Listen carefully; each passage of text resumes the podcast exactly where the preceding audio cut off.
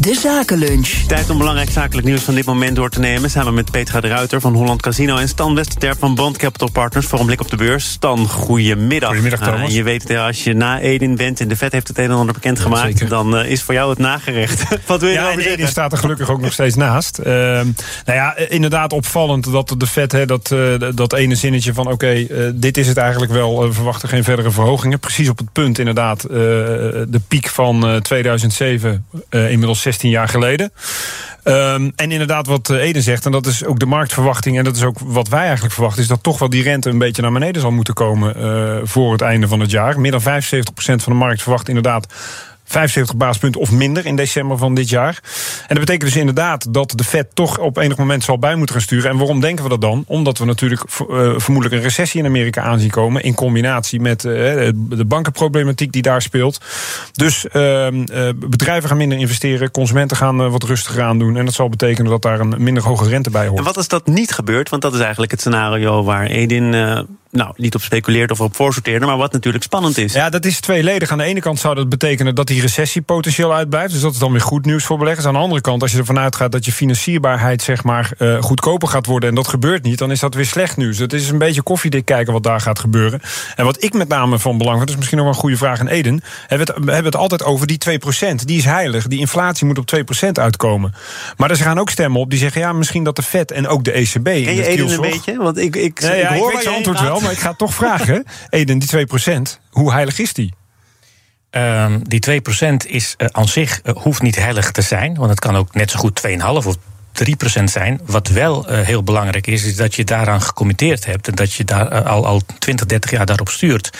En als je die spelregels gaat aanpassen op het moment dat het jou uitkomt, in de zin dat de inflatie veel hoger is, ja, dan, is, dan kan het funest zijn voor de geloofwaardigheid van de centrale bankiers. En dat is het meest waardevolle wat ze hebben. Dus um, mijn, mijn vermoeden is dat ze aan die 2% uh, niet gaan komen, maar dat ze uh, ondertussen elke keer als de inflatie boven de 2% ligt, uh, steeds uh, redenen aanvoeren waarom dat allemaal tijdelijk is en waarom het op termijn toch wel mee Maar zou je wel kunnen billiken dat die 2% uh, wat minder heilig wordt verklaard en dat dat in omstandigheden 2,5, 3% kan worden? Of raakt dat aan de geloofwaardigheid van centrale banken? Nou, allebei. Inderdaad, de geloofwaardigheid is, is ter sprake. Maar ja, onder grote druk wordt alles vloeibaar. Ik zei net nog tegen Ed, ik zit jouw boek te lezen. Hè, het afschaffen van Bretton Woods, het loslaten van de goudstandaard. Dat was ook onder grote druk gebeurde dat. Nou, we kunnen niet zeggen dat de Fed het makkelijk heeft op dit moment met de inflatie die vorig jaar nog double digit was en die maar niet naar beneden wil komen. Dus het kan best zijn dat ze op een gegeven moment toch die doelstelling enigszins moeten gaan aanpassen. We gaan even van de vet naar het jeugdjournaal. En uh, ik heb het ook gewoon gezien hoor, Petra. Uh,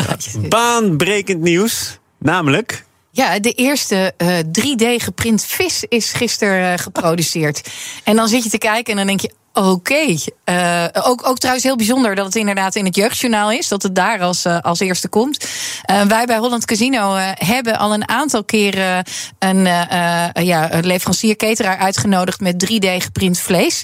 Ik heb zelf ook een keer zo'n hamburgertje gegeten. En ik hoorde pas naderhand dat het 3D geprint was. En ik had het niet geproefd. En mij zet het dan gelijk aan het denken van wat betekent dat voor de toekomst? Hebben wij straks printers in de keuken staan bij onze restaurants, in onze casino's? Hoe voelt dat als mens om uh, uh, dat geproduceerde voedsel te eten? ja, maar weet je, er gaan allerlei radertjes. Zeggen, want je hebt het al geproefd en je ja, voelt er weinig van blijkbaar. Ja, je staat dat, hier ook nog ver, altijd. dat verbaasde me echt ongelooflijk. En de vraag is: is dat dan ook een oplossing? Want het gaat natuurlijk heel veel over de voedsel voor de toekomst. wat kunnen we allemaal aanbieden? Ja, ik, ik vind wel als bedrijf dat wij in ieder geval moeten geïnteresseerd moeten kijken wat er gebeurt. En of het ons op termijn iets kan brengen. Ik herinner me de consternatie toen ook Loetje, bekend van de biefstukken, Zeker. plotseling een 3D geprint biefstukje op de kaart had staan. Ja, iedereen vond er wat van, hè? Ja, wat vond jij ervan? nee, weet, wat ik met dit soort dingen uh, vind, dat het ongelooflijk goed is om dingen uit te proberen en te kijken wat er gebeurt. Eén, hoe kun je dat schalen? Dus hoe ziet dat eruit? Hè? Want het is heel makkelijk om dat op kleine schaal te doen. Maar is het ook schaalbaar? Wat doet het dan vervolgens met de kosten? Wat is de beleving van de consument? Uh, en waar gaan we naartoe? En ik vind wel dat we daarover na moeten denken en moeten kijken wat het ons kan brengen. Stan, waar gaat Shell ondertussen naartoe?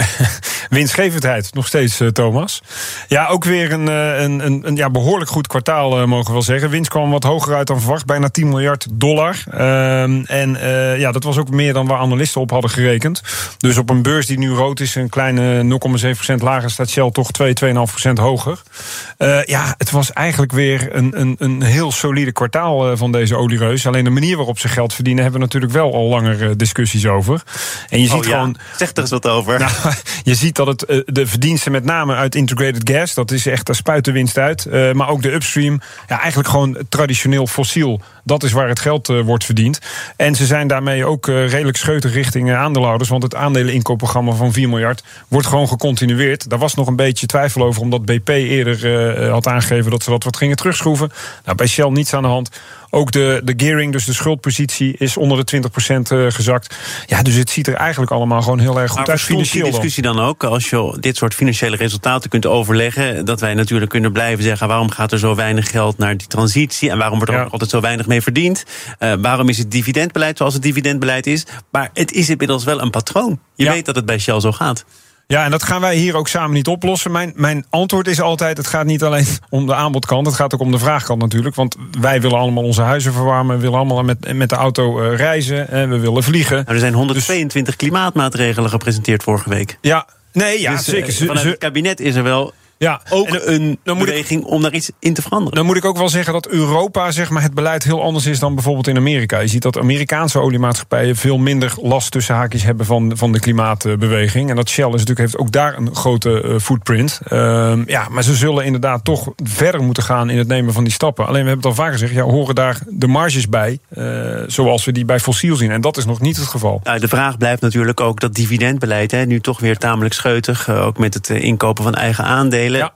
Kun je niet een deel van dat enorme bedrag beter reserveren in de toekomst? in transitie. Ja, maar ik denk dat dat dan wel vanuit de politiek opgelegd zal moeten gaan worden in dit soort gevallen. En dat er ook een level playing field moet zijn. Want dat, dat zijn natuurlijk multinationals die wereldwijd actief zijn. Dat het niet alleen voor Shell geldt, maar ook voor bijvoorbeeld de grote Amerikaanse en, en de, de, de partijen in het Midden-Oosten.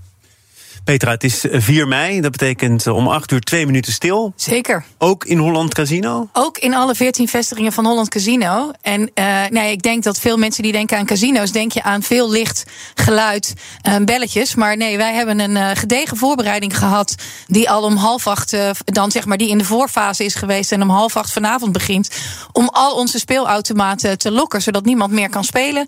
Iedereen de vloer op. we zenden ook inderdaad de uitzending op de Dam uh, uit. Uh, en dan is het om acht uur voor alle uh, collega's en alle gasten twee minuten stilte. En daarna zijn we nog wel even een half uurtje bezig om het allemaal weer aan de praat te krijgen.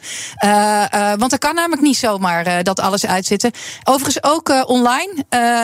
dan stoppen onze game presenters, zeg maar de Nederlandstalige, ook. En die houden ook even twee minuten stilte.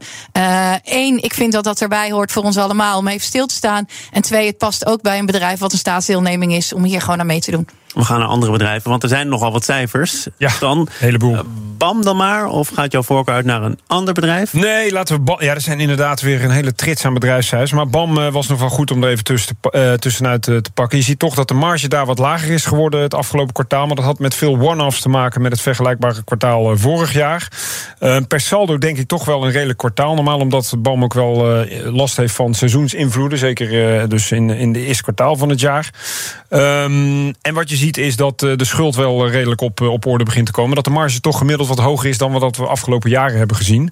En de CEO zegt ook gewoon zelf: ja, we staan er eigenlijk goed voor en er zijn nog genoeg kansen. Maar er zijn ook genoeg bedreigingen. Nou, en die bedreigingen, daar heeft BAM vermoedelijk niet altijd evenveel grip op. Nee. Uh, macro-economische ontwikkelingen, stikstofbesluiten. Ja, nou ja, dat is het probleem natuurlijk in deze sector. Een beetje analoog aan luchtvaart. Het gaat vaak over hoge volumes, lage marges. En de, de, de, de room for error is, eh, is, is, is vrij klein, zeg maar. En je ziet dus vaak genoeg dat het eh, misgaat. En zeesluis hebben we gehad. We hebben het parkeergarage, nou stikstof. Je noemt allemaal op. De inval van de Fiat, waar ze wel nog even van zeiden... ja, ja. dat kan uh, materialistisch zijn. Maar we maar weten er nog, nog niet. steeds heel weinig over. Het onderzoek is gaande, dus ze weten zelf waarschijnlijk ook niet precies uh, waar het zich exact op, uh, het duurt op al wel nu een half jaar nog? Ja, het is al, al langer dan Lijkt me als bedrijf toch ja. ook wel zaak dat je daar zo snel mogelijk iets over kunt ja. zeggen. Nou, ze hebben er in ieder geval iets over gezegd, Thomas. Ik kan me ook nog herinneren dat ze met kwartaalcijfers kwamen... toen net die inval was geweest dat ze gewoon uh, de kaken stijf op elkaar hielden. Daar houden beleggers helemaal niet van. Dus ze zeggen nu gewoon heel simpel... ja, we weten het eigenlijk op dit moment niet. Het zou materieel kunnen zijn. Maar we hebben nog te weinig informatie. En zijn natuurlijk ook boekhoudkundig verplicht... om het moment dat ze daar wel een kwalificatie... of beter een kwantificatie aan kunnen geven... dat ze daarmee naar buiten moeten komen. Stan, ik begrijp dat Petra jou had kunnen kennen... van het uh, casino in Breda. Blijkt niet ja, het geval te ja, zijn. Ja, Heb je wel zeer een gewaardeerde bezoeker.